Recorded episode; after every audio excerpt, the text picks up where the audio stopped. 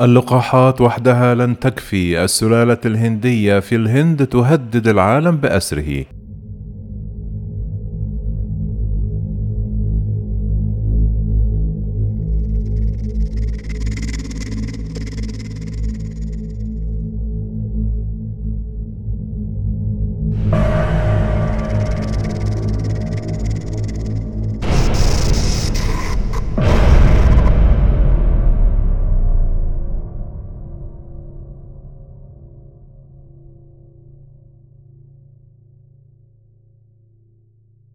جدد خبراء الصحة العالمية تحذيراتهم من أن الانفجار الهائل لأعداد الإصابات بفيروس كورونا المستجد في الهند يشكل خطرا حقيقيا على بقية دول العالم ويهدد خطط التطعيم الطموحة في الدول الغربية.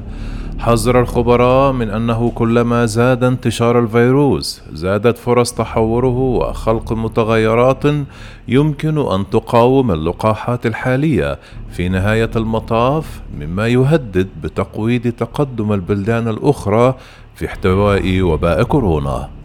في حديث لشبكة سي ان ان يقول عميد كلية الصحة العامة بجامعة براون الدكتور ايشيش جاها إذا لم نساعد الهند فأنا قلق من حدوث انفجار في الحالات حول العالم.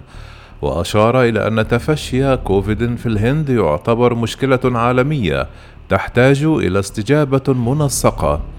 في دول مثل الولايات المتحدة الأمريكية والمملكة المتحدة حيث تستمر الخطط الطموحة بتطعيم السكان يعانق الأشخاص الحاصلون على اللقاح حديثا أحبائهم بعد فترة طويلة من الانفصال. وعلى النقيض تماما تحصي العائلات المنكوبة في الهند عدد موتاهم بسبب الفيروس التاجي الذي أرهق النظام الصحي وتسبب في إبعاد المرضى عن المستشفيات التي نفدت فيها الأسرة والأكسجين. ويرتفع عدد الحالات الجديدة في الهند إلى مستويات قياسية كل يوم مما يخلق أزمة وطنية ذات تداعيات عالمية. خاصة وأن زيادة الانتشار يعني زيادة فرص التحور وذلك وفقا للخبراء. في الأيام الأخيرة تسجل الهند ما يقرب من نصف عدد الإصابات المسجلة في كل دول العالم، مع ارتفاع عدد حالات الوفاة المرتبطة بكوفيد 19 ومنذ بداية الوباء سجلت الهند أكثر من 18 مليون إصابة مؤكدة منها أكثر من 204 ألف حالة وفاة وذلك وفقا لإحصائيات جامعة جونز هوبكنز لكن خبراء يرجحون أن الأرقام الحقيقية لضحايا الجائحة تعد أعلى بكثير.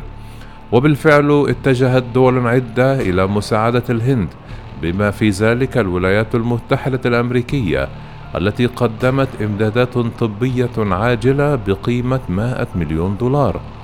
ويوم الأربعاء خصصت المملكة المتحدة وإيطاليا وألمانيا المزيد من المعدات الطبية والأدوية وأجهزة التنفس الاصطناعية في حين أن الأولوية العاجلة هي إنقاذ حياة المرضى بالفعل فإن التطعيم في البلاد يعتبر أمرا ضروريا لمنع انتشار الفيروس.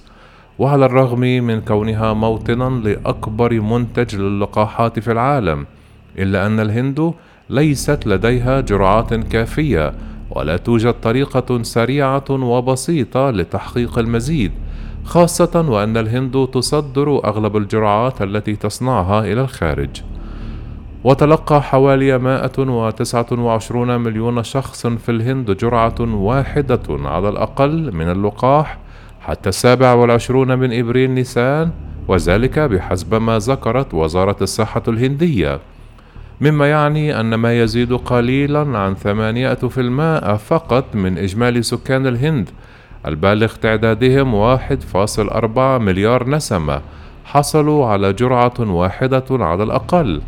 وهذا عدد ضئيل مقارنة بدول مثل الولايات المتحدة والمملكة المتحدة إذ ألقى الخبراء باللوم على بطء طرح اللقاحات ونقص الإمدادات.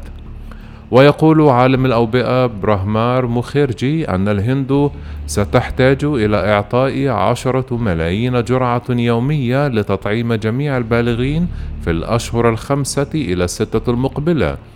وتعد الهند لاعبا رئيسيا في كوفاكس. وهي مبادرة عالمية لمشاركة اللقاحات تتبناها منظمة الصحة العالمية استعملوا على توفير جرعات مخفضة أو مجانية للبلدان منخفضة الدخل. وعدت الهند بتزويد كوفاكس ب 200 مليون جرعة ليتم توزيعها على 92 دولة فقيرة، لكن وضعها المتدهور بسرعة دفع دلهي إلى إعطاء الأولوية لمواطني الهند على حساب مبادرة كوفاكس.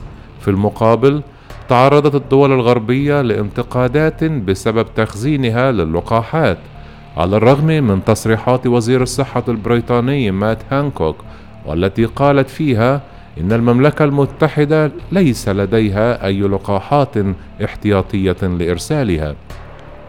كبير المستشارين الطبيين في البيت الأبيض ومدير المعهد الوطني الأمريكي للحساسية والأمراض المعدية الدكتور أنتوني فاوتشي يقول أن التوزيع العادل للقاح حول العالم أمر ضروري. وأضاف في حديث لصحيفة الجارديان الأسبوع الماضي العالم مترابط وجميعا نعيش معا. هناك مسؤوليات تقع على عاتق الدول تجاهل بعضها البعض ولا سيما الدول الغنية. قال مدير معهد علوم الجينوم والبيولوجيا المتكاملة أورنغال أوغروال أن هناك علاقة متبادلة بين الانتشار والتحورات لدى الفيروس. وقال في ولاية مهاراتشار رأينا ارتفاعا في السلالة الهندية كذلك نشهد أيضا ارتفاع السلالة ذاتها في دلهي. هذه ارتباطات وبائية مهمة للغاية في إشارة إلى أن السلالة الهندية سريعة العدوى لكنه أشار إلى أن البديل الآخر الذي تم تحديده لأول مرة في المملكة المتحدة والمعروف باسم بي 117 كان أكثر هيمنة في دلهي وفي شمال الهند.